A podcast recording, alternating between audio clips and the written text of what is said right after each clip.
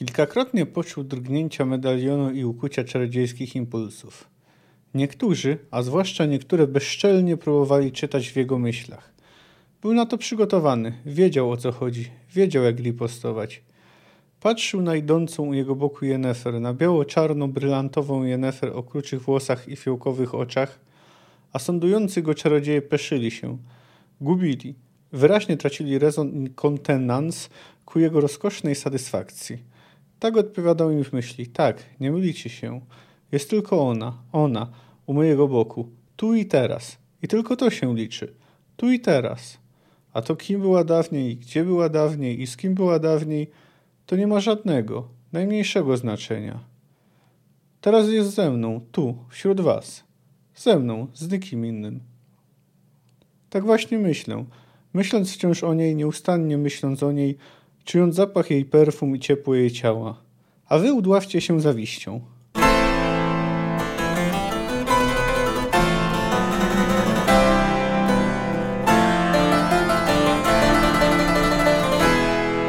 Cześć, jestem Kamil K., a ty słuchasz mojego podcastu Fantastyka Krok po Kroku.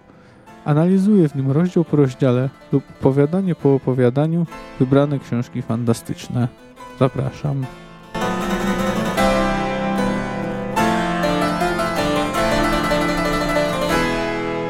Cześć. Y, No na wstępie to chciałem y, Was po pierwsze przeprosić, ponieważ y, prawdopodobnie ten odcinek zostanie opublikowany z lekkim opóźnieniem. Nagrywam go w sobotę wieczorem, ale naprawdę ostatnio jestem tak zajęty i mam, mam tak zawolony harmonogram, że po prostu nie miałem czasu wcześniej nagrać tego odcinka. A po drugie, zapowiedziałem, że będzie więcej akcji w tym rozdziale. No nieco się pośpieszyłem, bo chociaż to rozdział bardzo ciekawy i moim zdaniem jeden z najlepszych w sadze, to akurat składa się w prawie w całości z rozmów. Akcja zacznie się dopiero w następnym rozdziale. No nic, no a teraz przejdźmy już do streszczenia. Rozdział rozpoczyna się od wejścia przez Geralta i Yennefer na bankiet w Aretusie. No prawie, bo jeszcze wcześniej dowiadujemy się, że wraz z Ciri i Jaskrem pojechali na wyspę Tanet i na chwilę wszyscy zatrzymali się w pałacu Loxia i gdy Yennefer spędzała czas na przymierzaniu i dobieraniu sukien, Geralt spędził czas na rozmowach z Ciri. No a później udał się wraz z czarodziejką na bankiet. Jest on specyficzny już chociażby dlatego, że na sali nie ma miejsc siedzących. No i generalnie panuje tam wiele różnych zasad. Na przykład źle widziane jest zbyt długie pozostawanie przy stole. Czarodziejki oczekują, by witano je poprzez pocałunek w rękę. Absolutnie nie należy unikać rozmowy. Generalnie w sumie niektórym może to, na przykład mnie, może to przypominać trochę piekło. Geralt czuje się nieswojo nie tylko ze względu na okoliczności, ale także ze swój strój. Jest ubrany w dublet, który jest rzekomo ostatnim krzykiem mody, ale solidnie się w nim poci. A na dodatek Yennefer nie pozwoliła mu założyć opaski, uznając ją całkiem słusznie w sumie za pretensjonalną. Czarodziejka wyciąga Wiedźmina na sam środek sali. To jest demonstracja. No i jak już słyszeliście w cytacie otwierającym dzisiejszy odcinek, niektórzy i niektóre nie mogą się powstrzymać przed wysądowaniem jego mózgu. No on wtedy demonstracyjnie skupia się Yennefer. A później, po raz pierwszy według niej, mówi jej na głos, że ją kocha. Ona odpłaca mu tym samym. Zaczepia ich czarodziejka Sabrina Glewisik. Yennefer przedstawia ją jako swoją szkolną przyjaciółkę.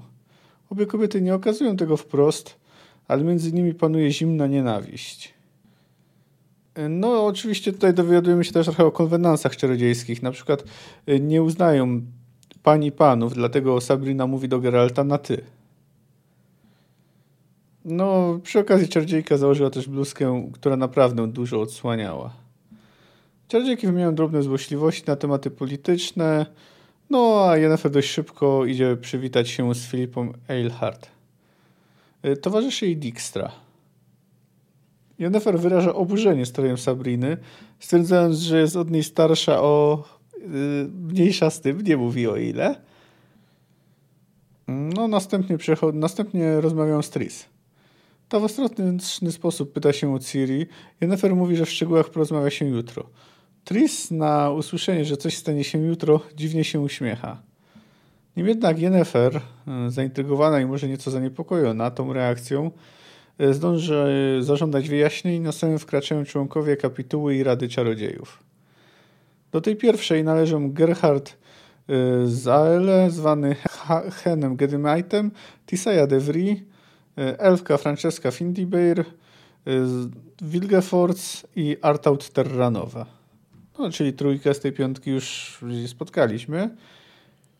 Do rady należą Ferkart z Sidaris, Radcliffe z Oxenfurtu, Carduin z Lanexeter, a także Filipa Eilhard i Yennefer. Yennefer należy do niej od czasu bitwy pod Soden. No, czyli można domniemywać, że została tam przyjęta w uznaniu za zasługi na polu bitwy. Na chwilę temat schodzi na relacje Yennefer i Geralta. Tris robi się wyraźnie zmieszana. Yennefer posyła Geralta daleko, daleko na drugi koniec sali powinno, bo chce porozmawiać z Tris w cztery oczy. Sądząc z tego, co obserwował Geralt, mówiła głównie Yennefer i nie było to nic niemiłego. W każdym razie, gdy wraca, to, e, to Tris już nie ma. Yennefer wprost daje mu do zrozumienia, że chodziło no, romans Tris i Geralta. Następnie Tris zostawia Wiedźmina samego, bo chce porozmawiać z Tisają i Franceską. No i potem żegnają się, całując się publicznie. Wiedźmin zostaje zaczepiony przez Dijkstrę. E, Szpieg twierdzi, że wkrótce na rozmowę zaprosi go Wilgefortz. Jeśli się tak stanie, to chciałby, żeby Wiedźminu to opowiedział. Mówi, że on jest w stanie w takim razie zjeść ośmiornicę, która jest według niego wyjątkowo obrzydliwa. E, no, Wiedźmin odmawia. Geralt chce się najeść, e, przemieszcza się powoli w kierunku stołu, no i mimowolnie słucha rozmowy Sabriny Glewisik z rudowłosą czarodziejką o imieniu Marty. E, rozmawiają o Geralcie w starszej mowie. Obydwie okazują zainteresowanie nim na tle seksualnym. Następnie Geralt jest zaczepiany przez no, czarodzieja o znajomej twarzy, Doregaja z Wol. No, spotkaliśmy go oczywiście podczas polowania na smoka, e, gdzie przedstawił się jako obrońca wszelakich potworów. Jak się wydaje, nie zmienił tego poglądu, ale jest wobec Geralta zaskakująco grzeczny i uprzejmy. E, zaczyna mu pokazywać rozmaite czarodziejki, które noszą na sobie ubrania, e, które zostały e, zdjęte z przedstawicieli różnych wymarłych gatunków. Rozmowę przerywa im Filipa Eilhart, Eilhart, która zgadza się na złożoną przez Wiedźmina propozycję zjedzenia kawioru. Doregara im nie towarzyszy. Filipa informuje go, e, że Doregara i Sabina szpiegują na rzecz różnych władców. Sabina na przykład dla Henselta z e, a Doregara i dla Eteina z Cidaris. Natomiast dla nikogo, co jest, można powiedzieć, bulwersujące, nie szpieguje y, rozmówczyni Sabiny, ta rudowłosa czarodziejka, Marty Sodergen. Tak naprawdę to ona wcale nie jest ruda, a jedynie farbuje włosy, a poza tym jest według Filipy uzdrowicielką i nimfomanką. Potem Filipa przypomina to, jak ich spotkanie i jak się skończyło ich spotkanie w Oxenfurcie. Obiecuje mu, że da mu następnego dnia Rajensa. E, kawior został zjedzony, ale Filipa wyczarowuje jego iluzję, co jest e, swoją drogą nie tak, bo nie powinno się na stali balowej używać magii. Potem mówi Wiedźminowi, że umiałaby też wyczarować wrażenie orgazmu. Podchodzi do nich czarodziejka o jasnych włosach i mówi Filipie, że ktoś prosi o rozmowę. Ta czarodziejka, która im przerwała, nazywa się Keira Metz. Geralt pozwala sobie na żart, mówiąc, że oczywiście, że potrafi stworzyć y, wyrafinowane iluzje, bo jest mistrzem magii, tylko jest incognito. No, żart jest średnio y, przyjęty, zwłaszcza, że Keira też odpowiada mu można powiedzieć żartem, mówiąc, że nie może pić alkoholu, ponieważ planuje zajść w ciążę. Wtedy podchodzi do nich Marty Sordergen. No, Wiedźmin dowiaduje się podczas rozmowy, że Filip od jakiegoś czasu nie gustuje w mężczyznach. Czarodziejki trochę znęcają się nad y, Geraltem, no ale dość szybko przerywa im Nefer, która chce przedstawić go kilku osobom. No i faktycznie, tak jak się spytał, chce go poznać m.in. Wilgefortz. Jak się wydaje, Dijkstra miał rację. Y, Yennefer mówi mu też, że nie wrócą do Loxi, bo chce spędzić y, noc z Geraltem w Aretuzie. Następnie już Geralt i Yennefer znajdują się właśnie w łóżku. Y, jak niedawno skończyli uprawiać seks. Czardziejka prosi go o zrelacjonowanie przebiegu rozmowy z Wilgeforcem. On przypomina sobie, w jakich okolicznościach w ogóle zapoznał się z czarodziejem, ponieważ wtedy, gdy Yennefer zabrała go od Marty i Keiry, został przedstawiony członkom kapituły. Przyjmowali go różnie, najmilej Tisseya Devry, no ale w końcu Wilgefort zaprosił go właśnie na rozmowę w mniejszym gronie i co ciekawe, wydało się Geraltowi, że z członków kapituły zdziwienie wyraziła tylko Tisseya Devry. Wilgefort proponuje spacer galerią chwały. No, jest to jakiś korytarz, gdzie są porozwieszane obrazy prezentujące rozmaite wydarzenia z historii magii. Większość z nich została namalowana przez adeptki Aretuzy, więc niektóre z nich są dość kiczowate. No, pierwszy prezentuje tak zwane pierwsze lądowanie, czyli moment, gdy Jan Becker uspokoi falę, opanowując moc. Wilgefort wątpi w historyczność tego zdarzenia. Dalsze obrazy prezentują y, wybieranie dzieci, które mogą op opanować noc. Na kolejnym widać Unię Nowigradzką, którą Wilgefortz opisuje jako pakt o nieagresji, swego rodzaju rozdział magii od państwa.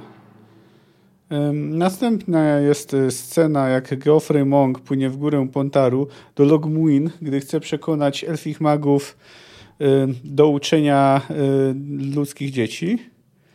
Geralt następnie przerywa na chwilę, wspominając, że kilka lat później wojska marszałka Raupeneka e, dokonały rzezim Lockmuin.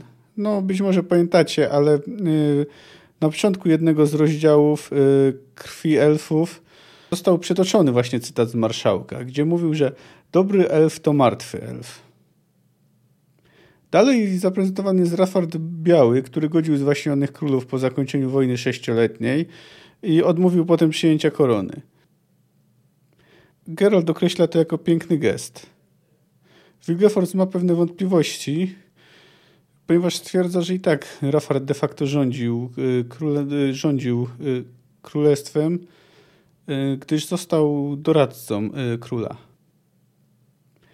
Potem przy kolejnym obrazie, który prezentuje powstanie kapituły, to wspomina, że później wszyscy, którzy jej się sprzeciwiali, zostali wykończeni, włącznie z Rafardem. Następnie zaprezentowane zmęczeństwo Magaradmira, który został obtarty ze skóry podczas rebelii Falki. Następnie wchodzą w nieco bardziej, y, jak to określa Geralt, filozoficzną dyskusję. Y, w końcu dochodzi do tego, że Wilgefortz pyta się Wiedźmina, czy da się zapanować nad kobietą, poddać ją swojej władzy. Nie poznajemy odpowiedzi Geralta. Można tylko odgadywać tej treści na podstawie dalszych wypowiedzi Wilgefortza. Prezentuje, później prezentuje on Wiedźminowi kolejny obraz. Został on namalowany przez towarzyszącą mi cały czas Lydię van Bredewort, y, którą jego drogą Jennefer określiła jako osobę bez znaczenia i przedstawia spotkanie Kergenana z Lot i Lary Doren – ludzkiego czarodzieja i elfiej wiedzącej, którą połączyło, których połączyło uczucie, a których historia skończyła się tragicznie. Potem y, Geralt ogląda kolejne dzieła autorstwa Lydii, także bardzo, bardzo dobrze wykonane. I ono przedstawia, ponoć jest to portret Lary wykonany ponoć na podstawie starożytnej miniatury. Geralt zauważa, że Lara ma oczy Ciri. Następnie Lydia zostaje w galerii, a Geralt z Wilgeforcem wychodzą na taras. Y, taras, który jest podniszczony, chociaż te zniszczenia są ukryte pod iluzją. Dlatego czarodziej mówi Wiedźminowi, żeby stąpał tylko po czarnych płytkach. Y, przy okazji wraz z Geraltem dowiadujemy się, że w Garkstangu, gdzie mają się odbyć y, obrady Rady i Kapituły, jest nałożona silna blokada antymagiczna. W pewnym momencie Wilgefort sprawia, że iluzja się rozwiewa, Geralt z trudem utrzymuje równowagę. Wilgefort stwierdza z uśmiechem, że jednak Geralt boi się śmierci. Przechodzą do jakiegoś gabinetu, gdzie znajduje się klepsydra z powoli sączącym się piaskiem. Wilgefort pyta się Geralta, dlaczego nie został czarodziejem. Wie, że matką Wiedźmina była czarodziejka. Zdradza mu też trochę ze swojego życia.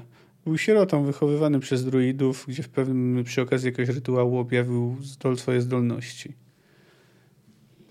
Odrzucił propozycję nauki zleconej, złożoną przez jakiegoś czarodzieja, który akurat był w okolicy. Został najemnikiem, tam walczył, najpierw wygrywał, potem przegrywał, a potem spotkał pewną czarodziejkę. Ale w końcu od niej uciekł, ponieważ nie poradził sobie z uczuciem, ze swoim uczuciem do niej.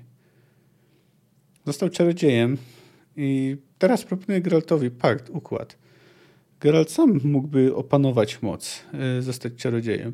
A poza tym yy, mówi, że wkrótce zacznie się walka, konflikt i żeby Geralt przyłączył się do niego i do jego strony, która wygra, bo inaczej coś złego może spotkać Ciri. Wiedźmin odmawia. Wilgefors mówi mu, że ma całą noc na przemyślenia. Klepsydra właśnie przesypała się do końca. Geralt wyraża do Yennefer niepokój o Ciri, ale ta go uspokaja. Twierdzi, że w Aretuzie dziewczyna będzie bezpieczna, a teraz i tak jest pod jej opieką. Potem uprawiają seks, wymieniają jeszcze parę słów.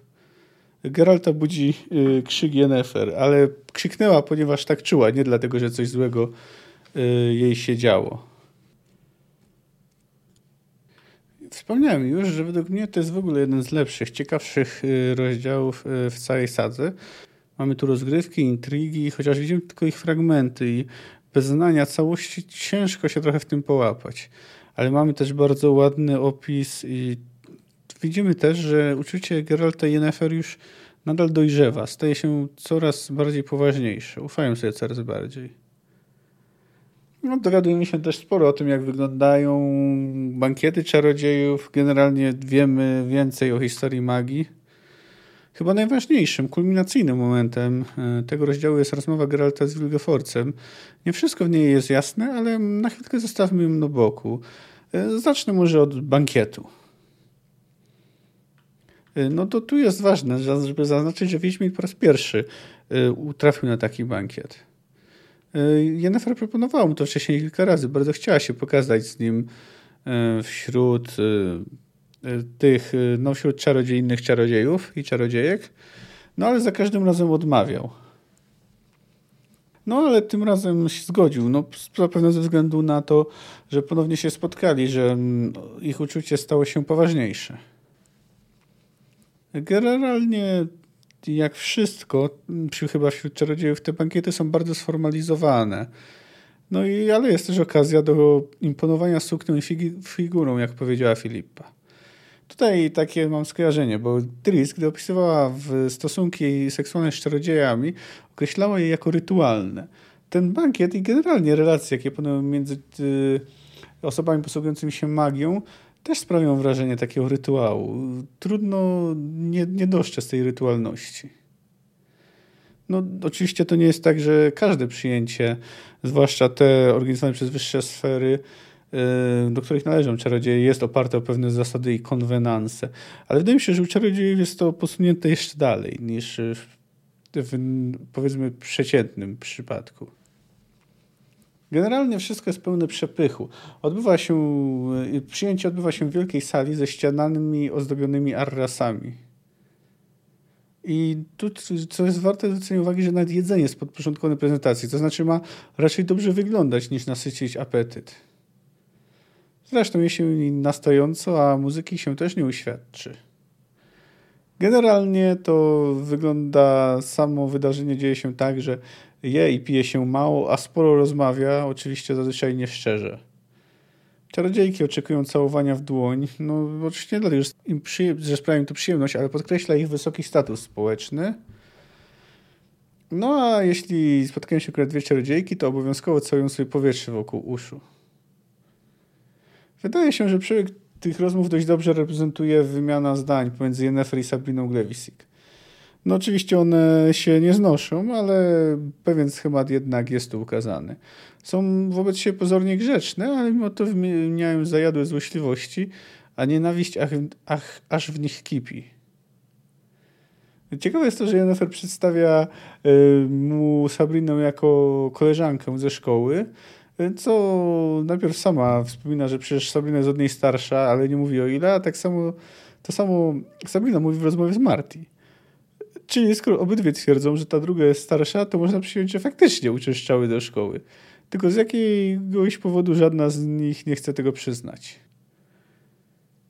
W sumie, yy, patrząc na to, jak czarodziejki ogólnie, jak się nawiązują pomiędzy nimi relacje i ile w nich jest zakłamania i hipokryzji, to trudno wierzyć, że Jennifer w ogóle ma wśród y, czarodziejek jakiekolwiek przyjaciółki.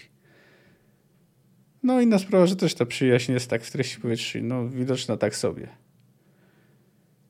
Przy okazji rozmowy z Dixon i Filipą dowiadujemy się, że jest jako jeden z lepszych żartów na takim przyjęciu jest wyrażenie zdziwienia, że jakiś czarodziej dla kogoś szpieguje. Na przykład, że Sabrina Glewisik szpieguje dla Henselta Skedwen.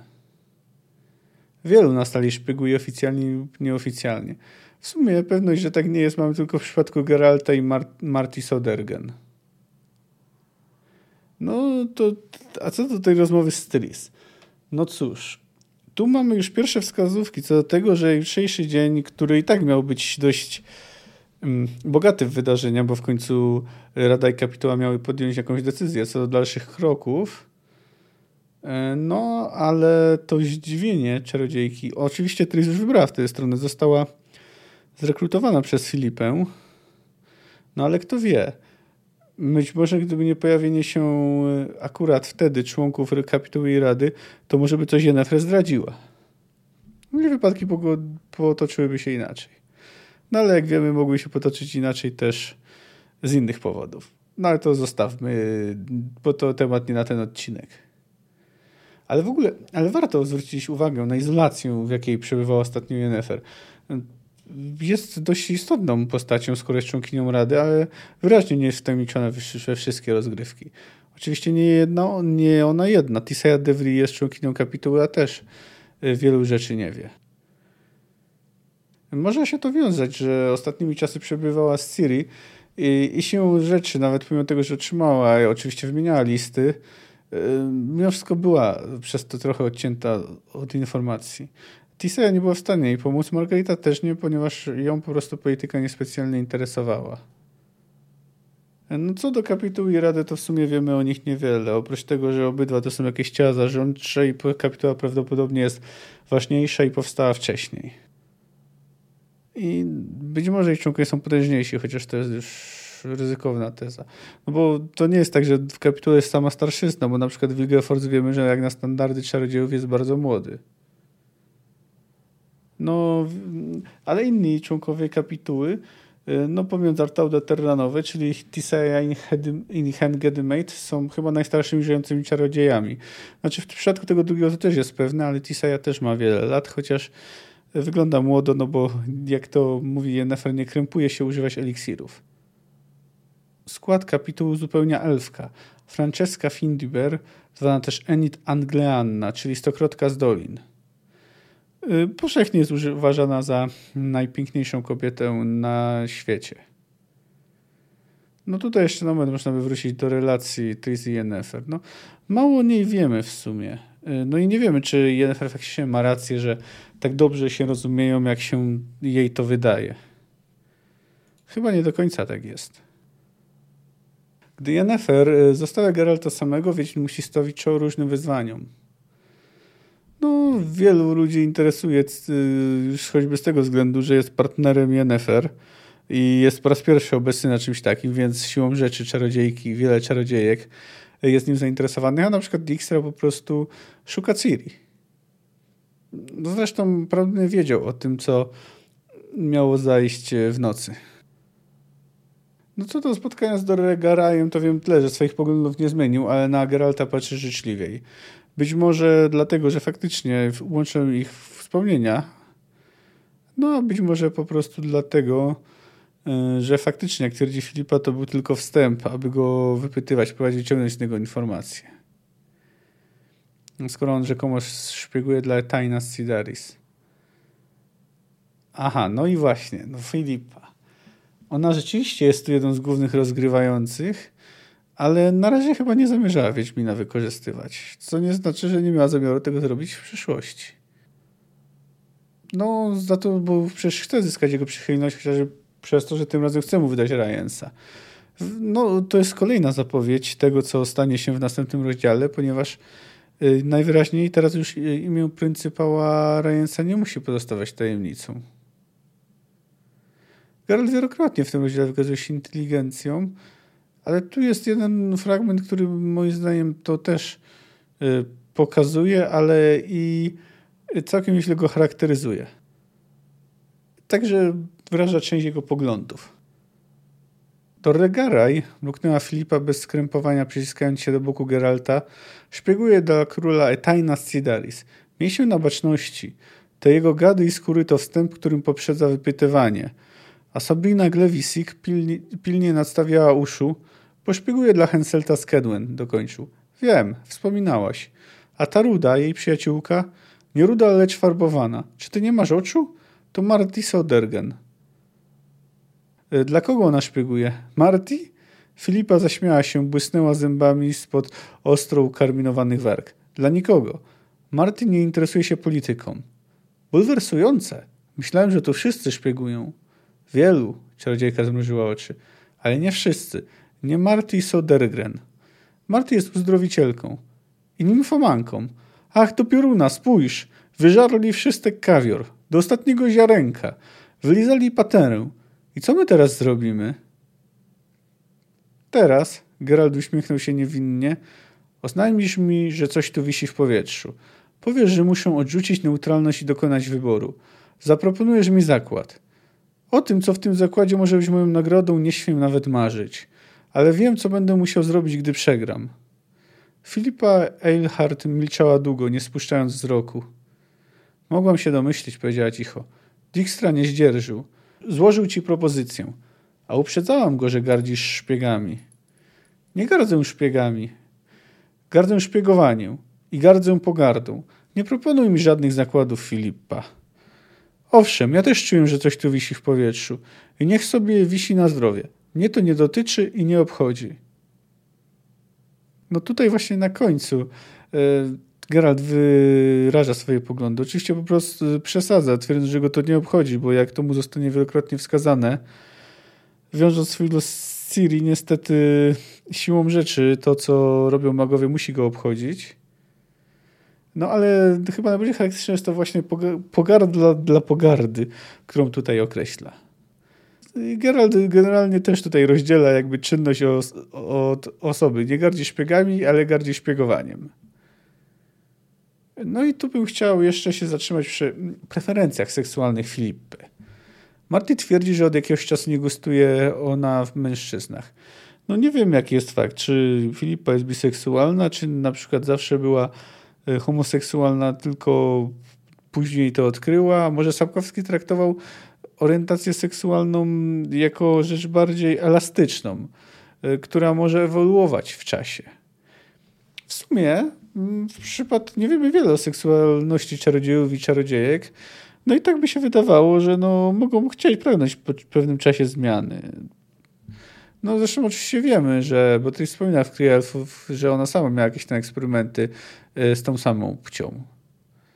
Ale nie wydaje mi się, pomimo tego, że tutaj spekulowałem, to nie wydaje mi się, żeby akurat Filipa była lesbijką, bo uważam, że nie wszystko z jej strony jest tylko grą.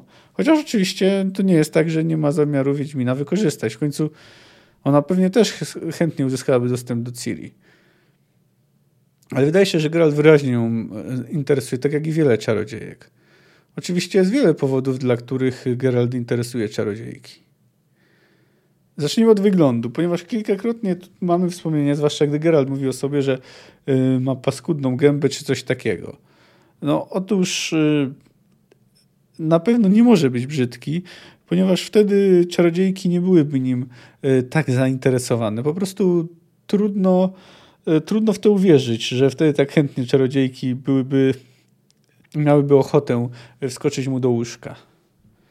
Oczywiście nie chodzi tylko o to, bo samo odbicie partnera Yennefer dla wielu czarodziejek byłaby swego rodzaju zwycięstwem.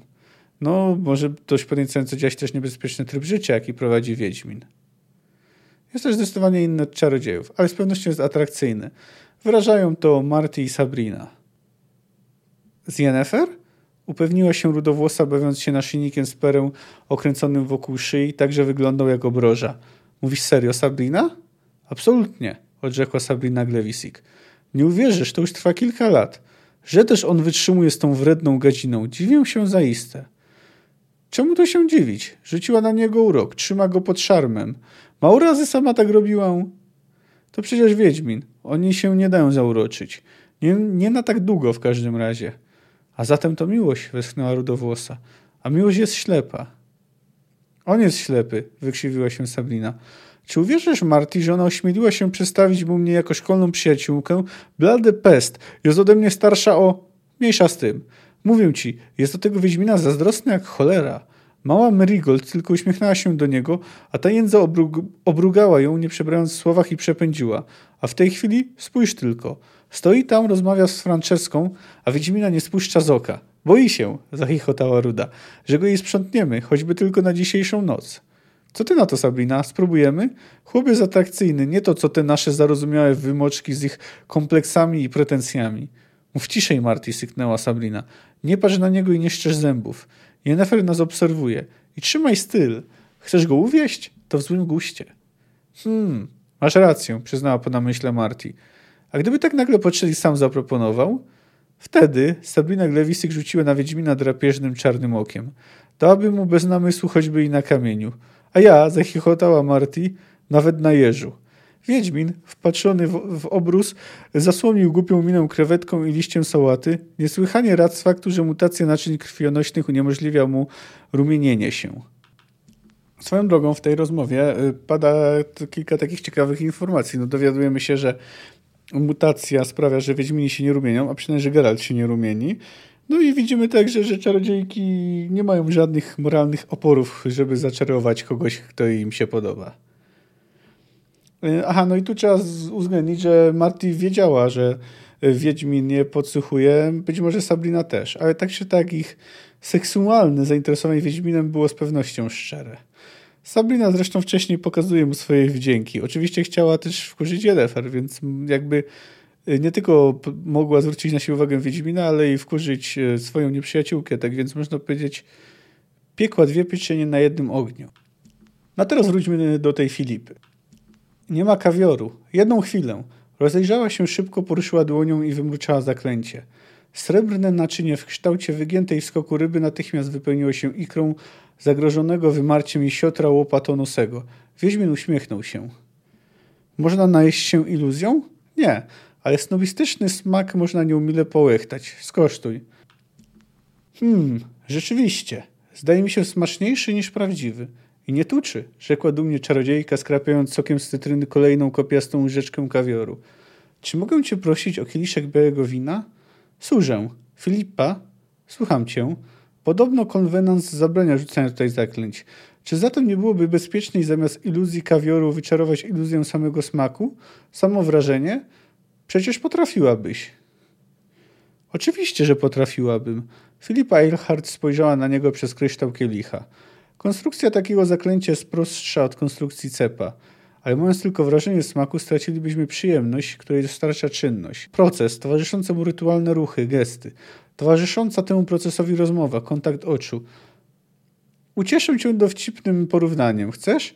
Słucham, ciesząc się z wyprzedzeniem. Wrażenie orgazmu też umiałabym wyczarować. No cóż, nie wydaje mi się, żeby to była tylko kwestia wykorzystania Wiedźmina. Wydaje mi się, że Filipa naprawdę była nim zainteresowana. No, zresztą myślę, że jeszcze więcej dowiemy się y, na ten temat, albo więcej zostanie zaprezentowane w następnym rozdziale.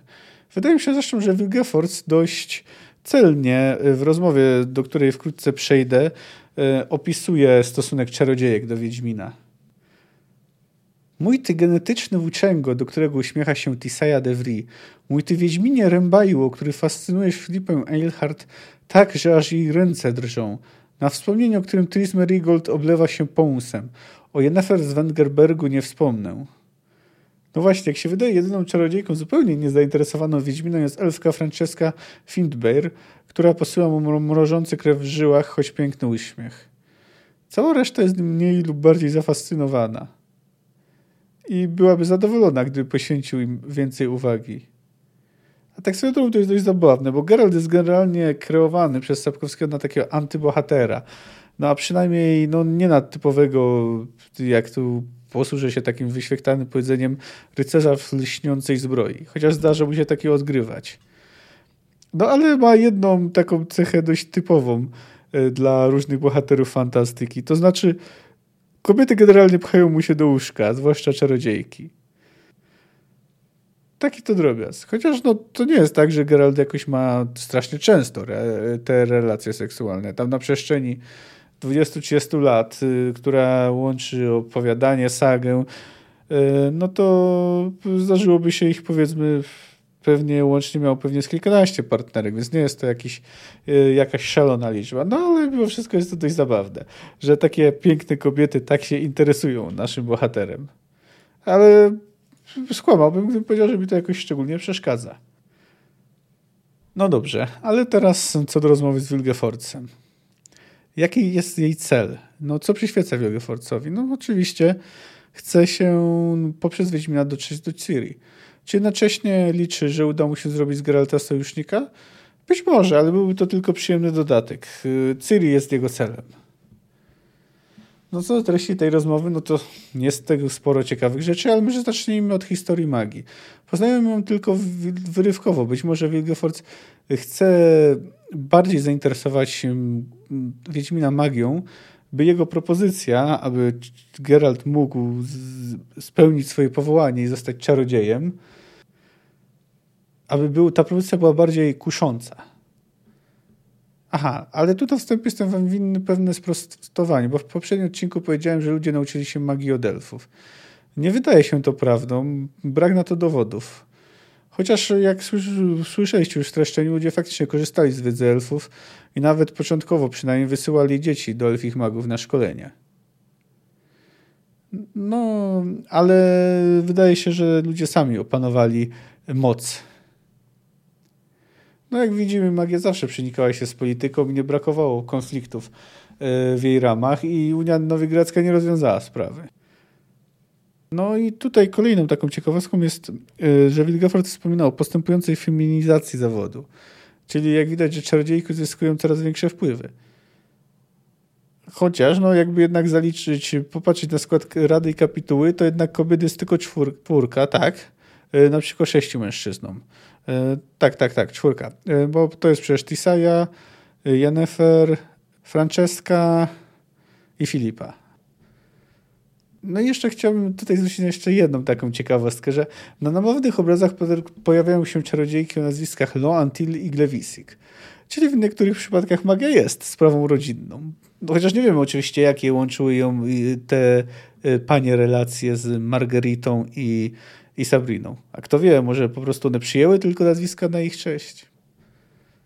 Tutaj już zostawiając magię, mam jeszcze wspomnienie o rebelii Falki, która jest wydarzeniem istotnym, do którego będziemy powracać, no ale to jest tylko wspomniane. Wiemy, że była bardzo brutalna i że jej Falka e, została spalona na stosie, e, co nadal jest zabawa e, wśród dzieci. Trochę jak nasze palenie Falki, trochę jak nasze topienie Marzanny.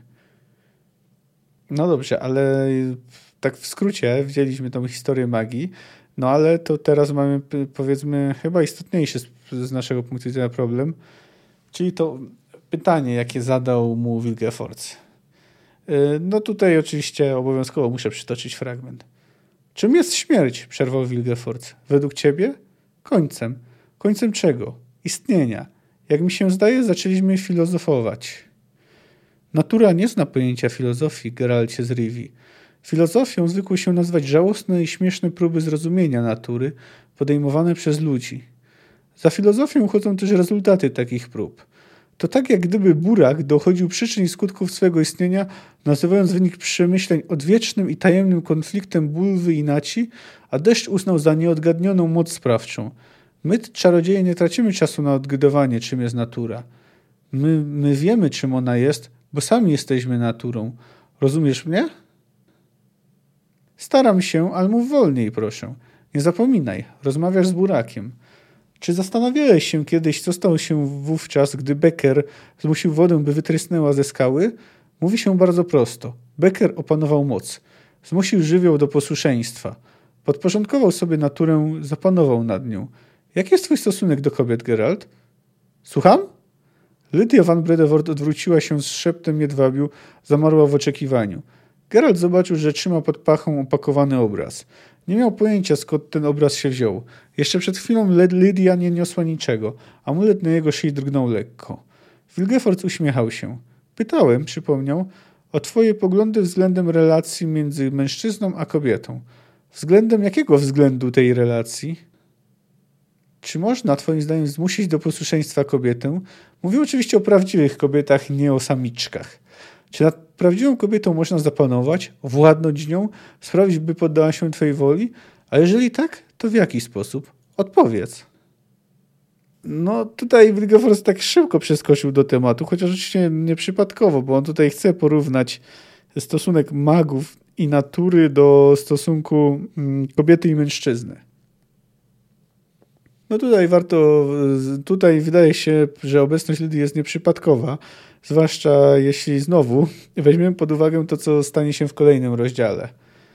Jak ona widziała swoją, wiemy, że była zakochana w Wilgeforcie, ale jak ona widziała swoją relację z nim? Czy była tylko narzędziem w jego rękach, była mu posłuszna, czy czuła, że są z nim jednością? No tutaj też warto znaleźć to wspomnienie o samiczkach. Y, wprawdzie nie poznamy na razie pełni mizoginii Wilgeforca, to jednak y, już możemy jakieś jej takie, mówmy, przebłyski y, zaobserwować. No ale też wróćmy do tej paraleli, jaką buduje Wilgefortz pomiędzy związkiem magii, magii natury i kobiety i mężczyzny. Zrozumiałeś, powiedział po chwili Wilgefortz, i chyba zawsze zrozumiałeś. A zatem zrozumiesz i to, że jeśli zginie i zniknie pojęcie woli i poddania, rozkazu i posłuszeństwa, władcy i poddanki, wtedy osiąga się jedność, wspólnotę, połączenie się w jedną całość, wzajemne przeniknięcie. A gdy coś takiego nastąpi, śmierć przestaje się liczyć. Tam na sali bankietowej jest obecny Jan Becker, który był wodą truskającą ze skały. Mówić, że Becker umarł, to tak jak gdyby twierdzić, że woda umarła. Ciekawe, prawda? Że magia żyje w magach. Magowie i magia to jedność, dlatego magowie nigdy nie umierają. Ciekawa koncepcja, taka trochę, hmm, można by nawet powiedzieć, nazwać ją komunistyczną. Y, ciekawe, że te słowa Sapkowski włożył akurat w kogoś y, takiego jak w usta kogoś tak odrażającego jak Wilgefortz. No ale wydaje mi się to nieprzypadkowe. Sapkowski dużą część życia w końcu spędził w PRL-u. No ale to jest już taka dygresja, ale jaka była odpowiedź Geralta? Można tylko zgadywać, ale chyba trudno wierzyć, że odpowiedział twierdząco, zwłaszcza, że opowiadał o wszystkim Yennefer. Taka odpowiedź by się raczej nie spodobała, gdyby na przykład powiedział, że tak można przez miłość. Powiedział, że albo, że nad prawdziwą kobietą nie można zapanować, albo, że w ogóle w stosunkach pomiędzy ludźmi nie ma czegoś takiego jak panowanie. No zresztą te figury retoryczne o stawaniu się przez mężczyznę i kobietę jednym ciałem, to spotykamy w Biblii. No generalnie to jest dość ciekawe, że e, bardzo ciekawa pan, e, koncepcja. E, no, następnie przechodzimy do wspomnienia Lary Doren. No niewiele wiemy, bo ona i Kregan są tylko zarysowani, ale mamy już sygnał, że jest ona jakąś tam spokrewniona z Ciri, a przynajmniej, że może być. No, mają identyczne oczy. No dobrze, ale tu kończy się pierwsza część ich rozmowy, przy której była obecna Lydia. Prowadzi ją sprytnie, pokazuje mu magię, demonstruje czym ona jest. W sumie pokazuje mu Wiedźminowi, że poniekąd daje nieśmiertelność. Y, o tym warto pamiętać, uwzględniając prowokację, jaką zastosował potem na tarasie. Przy okazji też bada jego relacje z Yennefer. No, przy okazji tej podróży na Taras to do, dowiadujemy się też o portalu, który znajduje się w Torlara. Jest to elfi portal, ale jest on spaczony i niebezpieczny. I generalnie y, teleportowanie się w pobliżu Aretuzy jest y, bardzo niebezpieczne, no, ponieważ każdy portal jest wykrzywiany przez właśnie Torlara, która rzekomo jest połączona z legendarną Torzireael, czyli wieżą jaskółki. Potem Wilgefortz testuje Geralta, sprawdzając, czy zależy mu na życiu. No i to jest może kolejny tam krok, żeby go przekonać, bo w końcu, yy, jak on już, jak już wspomniałem, magia daje nieśmiertelność. Więc skoro Geralt boi się śmierci, może powinien zostać magiem. No i właśnie podczas tej drugiej rozmowy Vilgefort składa Geraltowi propozycję, a może nawet więcej niż jedną. Nie robi tego od razu, bo najpierw próbuje wzbudzić zaufanie Geralta poprzez opowiadanie mu swojego życiorysu. Pewne rzeczy ich łączą, zapewne nieprzypadkowo o nich wspomina, ale generalnie uważam, że można to, co mówić, uznać za wiarygodne. Zmyślanie tych wszystkich szczegółów byłoby strasznie męczące i łatwo było się w nim pogubić nawet komuś bardzo inteligentnemu. Chyba faktycznie nienawidził czarodziejów, zresztą miał powód, jeśli przynajmniej jedno z nich, jedno z jego rodziców było czarodziejem i go porzuciło. Ale tu przytoczę fragment chyba, który jest istotny dla, dla jego charakterystyki, czyli dotyczący jego relacji z pewną kobietą, czarodziejką, którą kiedyś spotkał. No i tutaj w kontekście y, podobieństw do relacji Geralta i Yennefer. Podobieństwa już się skończyły, czarodziej nie spuścił wzroku. Ja bowiem nie poradziłem sobie z uczuciem, jakie żywiłem do owej kobiety. Jej uczucia z kolei nie pojąłem, a ona nie starała się mi w tym pomóc. Porzuciłem ją, bo była promiskuityczna, arogancka, złośliwa, nieczuła i zimna. Bo nie można było jej zdominować, a jej dominacja była upokarzająca. Porzuciłem ją, bo wiedziałem, że interesowała się mną tylko dlatego, że moja inteligencja, osobowość i fascynująca tajemniczość zacierały fakt, że nie byłem czarodziejem, a wyłącznie czarodziejów zwykła była zaszczycać więcej niż jedną nocą. Porzuciłem ją, bo, bo była jak moja matka. Nagle zrozumiałem, że to, co do niej czuję, to wcale nie miłość, lecz uczucie znacznie bardziej skomplikowane. Silne, lecz trudne do sklasyfikowania. Mieszanina strachu, żalu, wściekłości, wyrzutów sumienia i potrzeby ekspiacji, poczucia winy, straty i krzywdy, perwersyjnej potrzeby cierpienia i pokuty. To, co czułem do tej kobiety, to była nienawiść. Gerald milczał. Wilgefors patrzył w bok. Porzuciłem ją, podjął po chwili i nie mogłem żyć z pustką, jaka mnie ogarnęła. I nagle zrozumiałem, że to nie brak kobiety powoduje tę pustkę, lecz brak tego, co wtedy czułem. Paradoks, prawda? Kończyć chyba nie muszę, domyślasz się dalszego ciągu. Zostałem czarodziejem z nienawiści i dopiero wówczas zrozumiałem, jaki byłem głupi. Myliłem niebo z gwiazdami odbitymi nocą na powierzchni stawu. No, bardzo ciekawe to jest. Wilgefort poszukiwał w kobiecie swojej matki. I ciekawe, czy tu nie można by pewnej paraleli właśnie pociągnąć z Geraltem. Może właśnie też Geralta tak ciągnie do czarodziejek, o czym mówił już nawet Jarpet Zigrin, bo poszukuje w nich jakby swojej matki. Oczywiście on tak jak nienawidził, nie czuł nienawiści do swojej matki, tak jak Wilgefortz. Jego uczucia wobec niej są bardziej skomplikowane, chociaż się czuje żal. No, można tu zauważyć pewne źródła poglądów Wilgefortza, ale ciekawe jest, że on tu koncentruje się na swojej matce. Bo przecież mogło być tak, że czarodziejem był jego ojciec, bo w końcu tego nie wiemy. Bo ciekawe, bo ojciec czarodzieja się w ogóle tutaj nie pojawia w tym jego wywodzie. Mówi tylko i wyłącznie o, o czarodziejce, o swojej matce, która tutaj przedstawia, jakby była czarodziejką, chociaż tego nie wiadomo. No w każdym razie widzimy, że to wychowanie i później ta relacja z czarodziejką mocno zmieniły, wpłynęły na Wilgefortza jego stosunek do kobiet.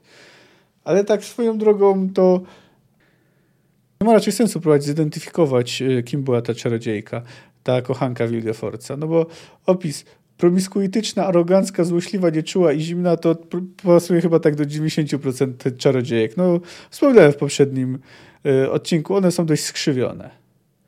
No ale co ciekawe, o ile Wilgefort o swoim ojcu wspomina, to wspomina o nim Geralt. Y, o nim Geralt, chociaż oczywiście nie wiemy, kto był jego ojcem. No, niektórzy wymieniają Korina z drugiej, z której się nie wraca, ale Sapkowski nigdy tego nie potwierdził. No w każdym razie opis Geralta temu nie zaprzecza. No posłuchajcie, bo to kilka tylko zdań. Znam trochę teorię dziedziczności. Mój ojciec, do czego doszedłem z niemałym trudem, był włóczęgą, prostakiem, awanturnikiem i rębajłą. Mogę mieć przewagę genów po mieczu, nie po kądzieli. Fakt, że też nieźle rąbią, zdaje się to potwierdzać. A to jest właśnie kolejna ciekawostka. Geralt włożył sporo wysiłku, by dowiedzieć się, jaki był jego ojciec. Wilgefortz, chociaż jak wydaje się miał ku temu większe możliwości, y, nie interesował się, kim dokładnie byli jego rodzice. Chociaż czuł do swojej matki nienawiść. No oczywiście być może byłoby to trudniejsze do znalezienia, ale nie wiem, czy nie można by sobie pomóc magią. No w każdym razie tego nie zrobił. Natomiast Geralt zadał sobie trud. I jakoś tego ojca zidentyfikował.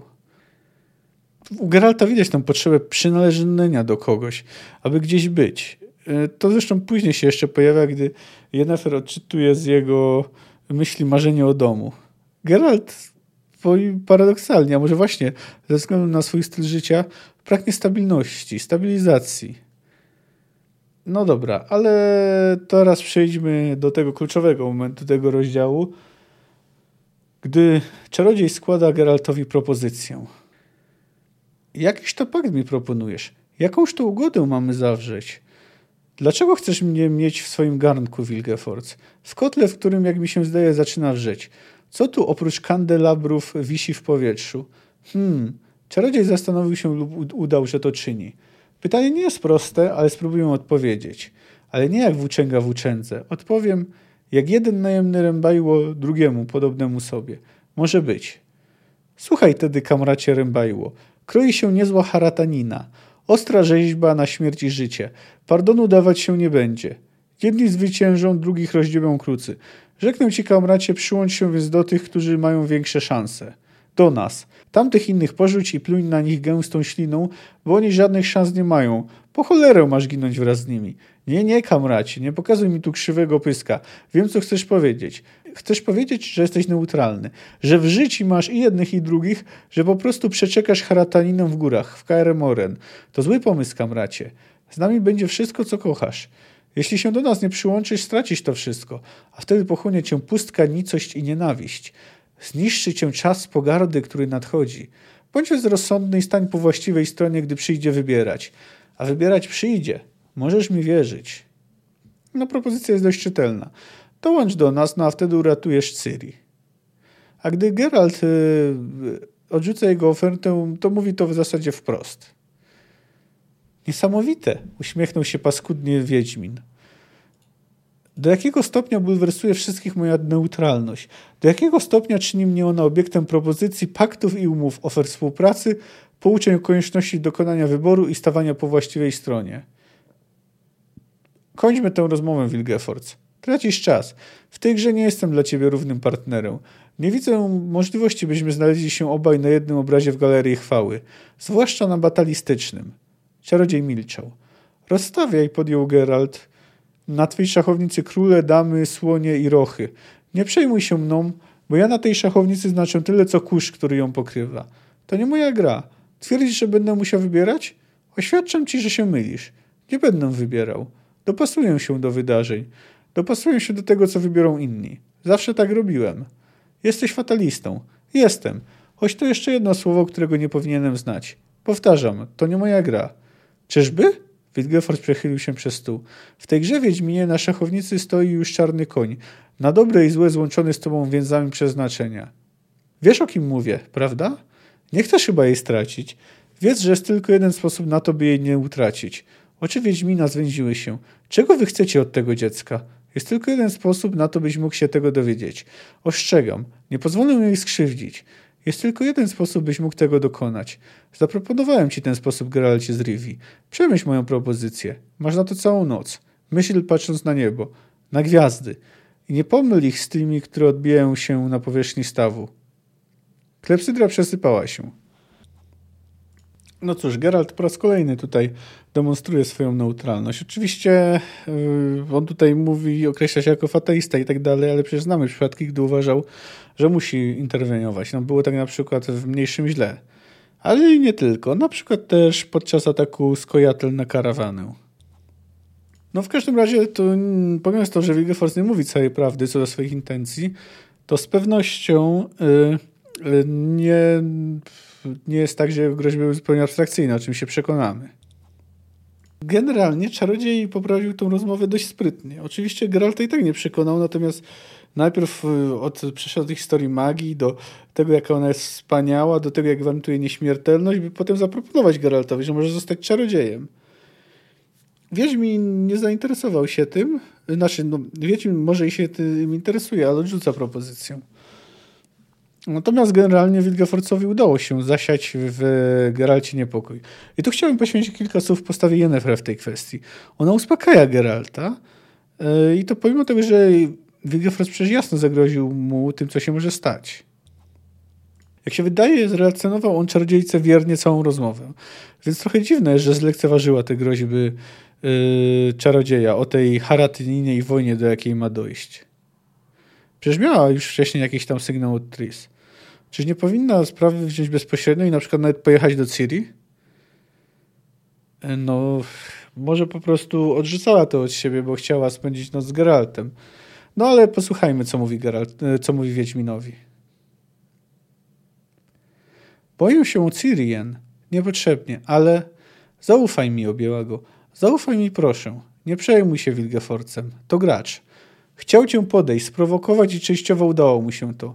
Ale to nie ma znaczenia. Ciri jest pod moją opieką, a w Aretuzie będzie bezpieczna. Będzie mogła rozwinąć tu swe zdolności i nikt jej w tym nie przeszkodzi. Nikt. O tym, by została Wiedźminką, zapomnij jednak. Ona ma inne talenty.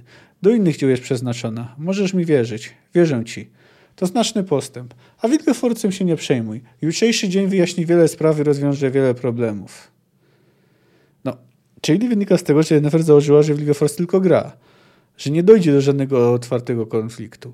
Po raz kolejny widać jej odcięcie od informacji. No dobrze, no ale to skąd w takim razie wzięła się ta jej pewność? No, należy uznać, że faktycznie ufa Tisai i Margaricie. Uważa, że yy, ufa im na tyle, że uważa, że nie może się dzięki nim stać nic, złe, nic złego. Nie wzięła wszystkich okoliczności pod uwagę.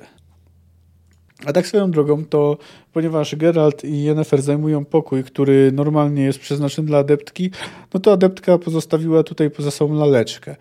No i to jest ciekawe, dlaczego Yennefer tak bardzo chce wysłać do Aretuzy Ciri, względem jakie ma same ma wspomnienia związane ze szkołą. Nie chcę o nich mówić, gdy Geralt pyta jej się, czy miała laleczkę.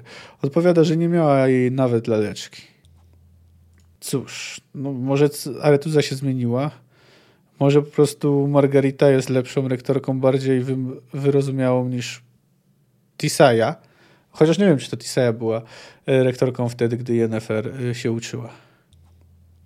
No dobrze, ale jest jeszcze jeden bardzo istotny element tego opowiadania, czyli relacja Geralta i Yennefer.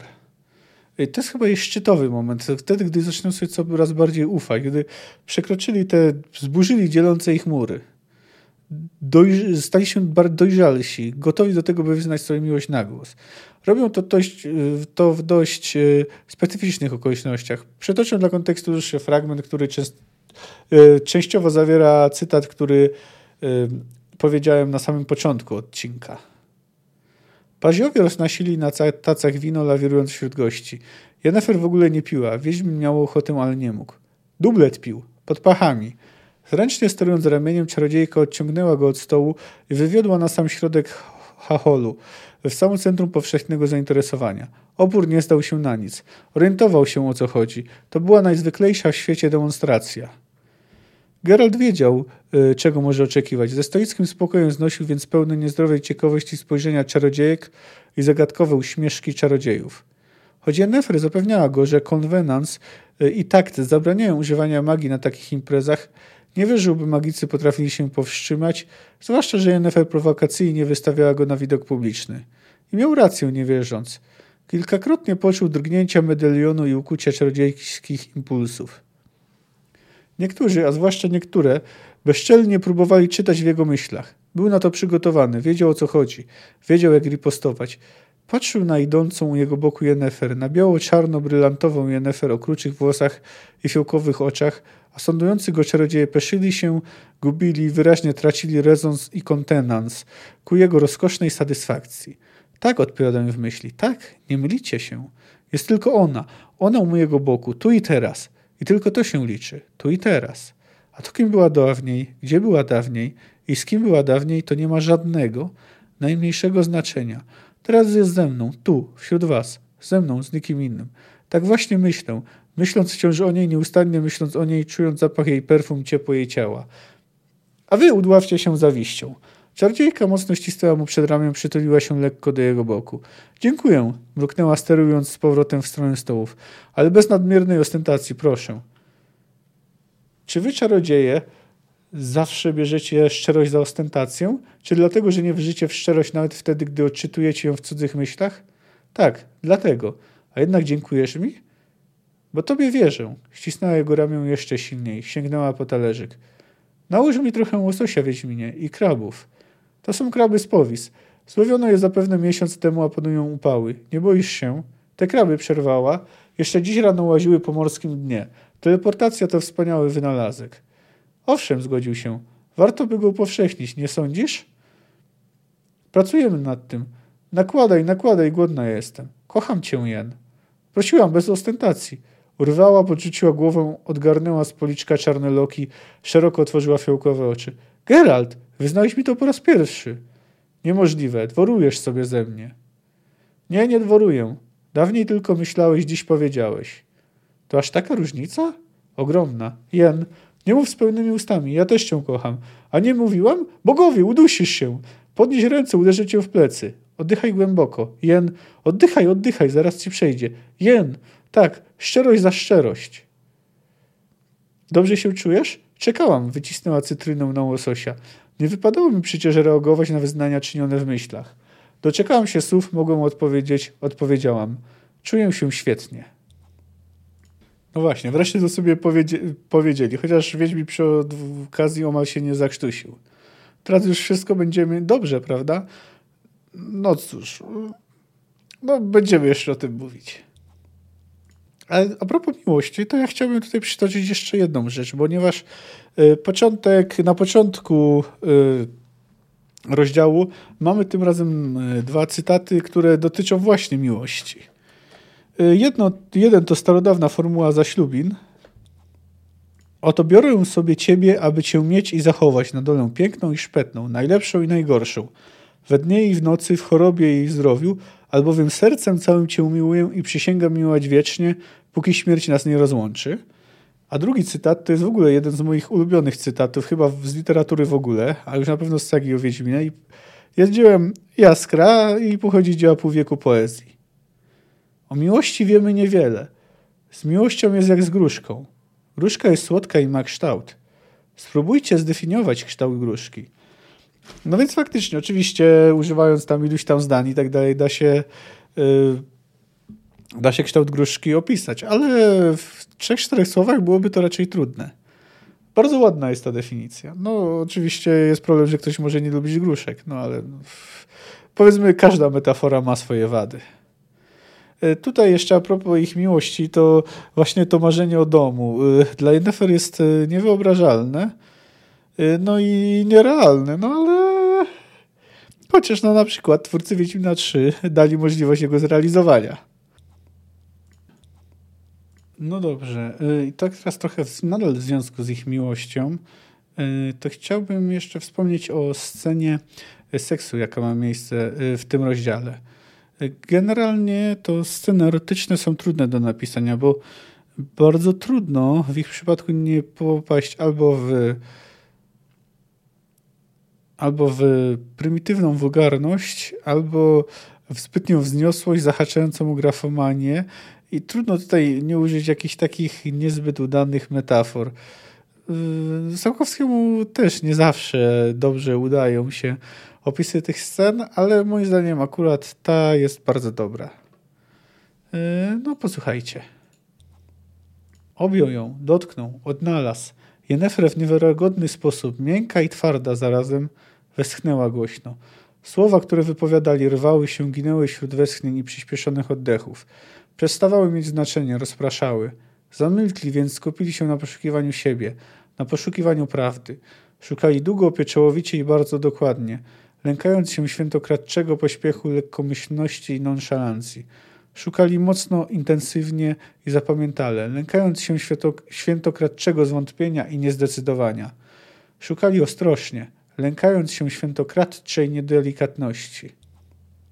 Odnaleźli siebie, pokonali lęk, a w chwilę potem znaleźli prawdę, która eksplodowała im pod powiekami przeraźliwą, oślepiającą oczywistością, rozdarła jękiem zaciśnięte w determinacji usta. I wtedy czas drgnął spazmatycznie i zamarł. Wszystko znikło, a jedynym funkcjonującym zmysłem stał się dotyk. Minęła wieczność. Powróciła rzeczywistość, a czas po raz wtóry drgnął i znowu ruszył z miejsca, powoli, ociężale, jak wielki wyładowany wóz. Geralt spojrzał w okno. Księżyc nadal wisiał na niebie, choć to, co stało się przed momentem, w zasadzie powinno strącić go na ziemię. Jejku jej, powiedziała po długiej chwili Jennefer, wolnym ruchem ścierając łzę z policzka. Leżeli nieruchomo wśród rozburzonej pościeli, wśród deszczu, wśród prawiącego ciepła i wygasającego szczęścia, wśród milczenia, a dookoła kłębiła się niewyraźna ciemność przesycona zapochem nocy i głosami cykad. Geralt wiedział, że w takich momentach telepatyczne zdolności czarodziejki były wyczulone i bardzo silne. Myślał więc intensywnie o sprawach i rzeczach pięknych. O rzeczach, które miały sprawić jej radość. O, o wybuchającej jasności wschodu słońca, o mgle wiszącej o świcie nad górskim jeziorem, o kryształowych wodospadach, przez które skaczą łososie, tak lśniące, jak gdyby były z litego srebra, o ciepłych kroplach deszczu uderzających w ciężkie odrosy liście łopianu. Myślał dla niej. Jennefer uśmiechała się, słuchając jego myśli. Uśmiech drgał na jej policzku księżycowym cieniem rzęs. Uważam, że to bardzo udana scena, bardzo dobrze napisana. Y, nie jest oczywiście, nie popada na szczęście w dosłowność. Jest oczywiście dość taka, jest metaforyczna, ale jednak nie na siłę. Nie ma tu jakichś przesadnie nietrawnych porównań. Generalnie bardzo mi się podoba. No, ten rozdział to jest taka cisza jak przed burzą. Czuć tutaj już właśnie nadciągające grzmoty, no ale z drugiej strony to jest ostatni raz, gdy Cyrgald i Yennefer są razem. Ostatni raz, no niestety na długi czas. Tu jeszcze nie, nie zaczęło się dziać nic naprawdę złego.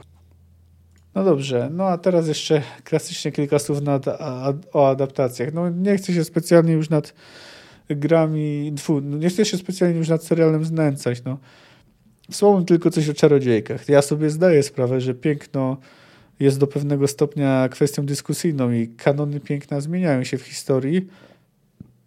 To jednak doprawdy nie uważam aktorek wybranych do roli czarodziejek za y, nadzwyczajnie urodziwych. Oczywiście no, nie są brzydkie, no, natomiast y, no, trudno mi wyobrażać, by y, w dziedzinie, w której celowo upiększa się ciała, by przybrały akurat te kształty i miały takie twarze, powiedzmy.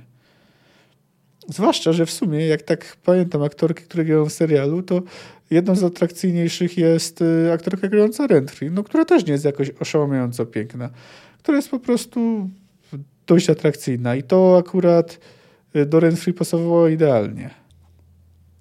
Ogóle chyba najpiękniejszą czarodziejką y, była Wisenna, czyli matka Geralta, która pojawiała się w serialu na dosłownie moment. No dobra, ale zostawmy serial, bo tu można by jeszcze mówić o strukturze magii. Chociaż nie. Chciałbym powiedzieć jeszcze jedną rzecz. No wiecie, wspomniałem wielokrotnie, że czarodziejki są skrzywione. To zapewne przez to, jak ostro są traktowane w Aretuzie i tak dalej. No, ale to nawet, y, ale czytając serial, to jednak nie wpadłbym na to, że może się po prostu zabijać uczennice, aby zamienić je w napędzone, w, w, y, napełnione mocą węgorze, jak to się dzieje, dzieje w serialu. To jest tak niewyobrażalnie kuriozalny pomysł, że jest dla mnie niewiarygodne, że ktoś na to wpadł. No dobra, ale dość już. Dość już o tym. Y, jeszcze kilka słów o grach. No nie będę tutaj też się specjalnie rozwijał, bo Chociaż trochę by można. No ale powiedzmy, to jednak nie jest podcast o grach. Generalnie spotkamy w nich sporo postaci z tego rozdziału. E, chyba wszystkie czarodziejki, poza Marty Sodergren. E, tutaj no, tu, tu kwestia, to jest kwestia siły wyższej. Po prostu Marty już nie żyje, e, gdy gry się zaczynają. No oczywiście w grach y, w Wiedźmie 3, bo wcześniej nie, chociaż y, jest o niej wspomniane wcześniej, y, pojawia się Yennefer. No została nadzorowana całkiem nieźle, chociaż wydaje mi się, że niektórych rzeczy by nie zrobiła, że w niektórych momentach jakby została celowo bardziej zohydzona. Zresztą to da się zauważyć, jak na przykład Dijkstra czy Wiedźmini próbują wepchnąć Geralta w objęcia Tris. Ale generalnie Yennefer została oddana całkiem nieźle, mimo pewnych zastrzeżeń. No co do innych czarodziejek, pojawia się Sabina Glewisik, pojawia się y, w dodatku cena neutralności, która jest mocno wzorowana na mniejszym źle i można tam sławną lub niesławną y, seksualną kartę zdobyć z nią. Dużą rolę w drugiej, y, odgrywa też dużą rolę w drugiej części, co chociaż paradoksalnie jest też tam już wtedy martwa. No i dużą rolę w drugiej, trzeciej części gry pełni Filipa Eilhart w sumie też została nieźle oddana. E, no zwłaszcza, że tam e, faktycznie e, król Radowid miał powody, by się na niej mścić. W grach pojawia się też Keira Metz. I ona została oddana bardzo dobrze. Spotkamy ją jeszcze w następnym rozdziale, ale generalnie to uważam, że i pod względem wyglądu i generalnie zachowuje się dość realistycznie. Zresztą, no tak jak wspomniałem, wszystkie te czarodziejki spotkałem w następnym rozdziale. No i tak już zupełnie kończąc, no to to jest już, jak wspomniałem, jeden z lepszych moim zdaniem rozdziałów w sadze. Jeden z ciekawszych, no chociaż i to pomimo tego, że stanowią w zasadzie wprowadzenie, ponieważ teraz będzie czekać nasz kulminacyjny punkt. I tym razem obiecuję wam, że w następnym rozdziale będzie naprawdę dużo akcji. No to byłoby na tyle. E, podcast możecie znaleźć na Spotify, Apple Podcast, SoundCloudzie, e, Google Podcast, e, YouTubie, no i w kilku innych miejscach, których spis znajdziecie na stronie fantastyka pokroku.blubry.net. Jeśli chcecie się ze mną skontaktować, ma jakieś uwagi, podpowiedzi, może chcecie coś zaproponować, żebym na coś zwrócił uwagę, to możecie napisać maila na adres kamil.fantastyka.gmail.com no ewentualnie możecie się też skontaktować na Instagramie lub Twitterze. Jeśli komuś udało się do tego, do tego momentu dotrwać, to bardzo mu dziękuję. No i do usłyszenia za tydzień. Cześć!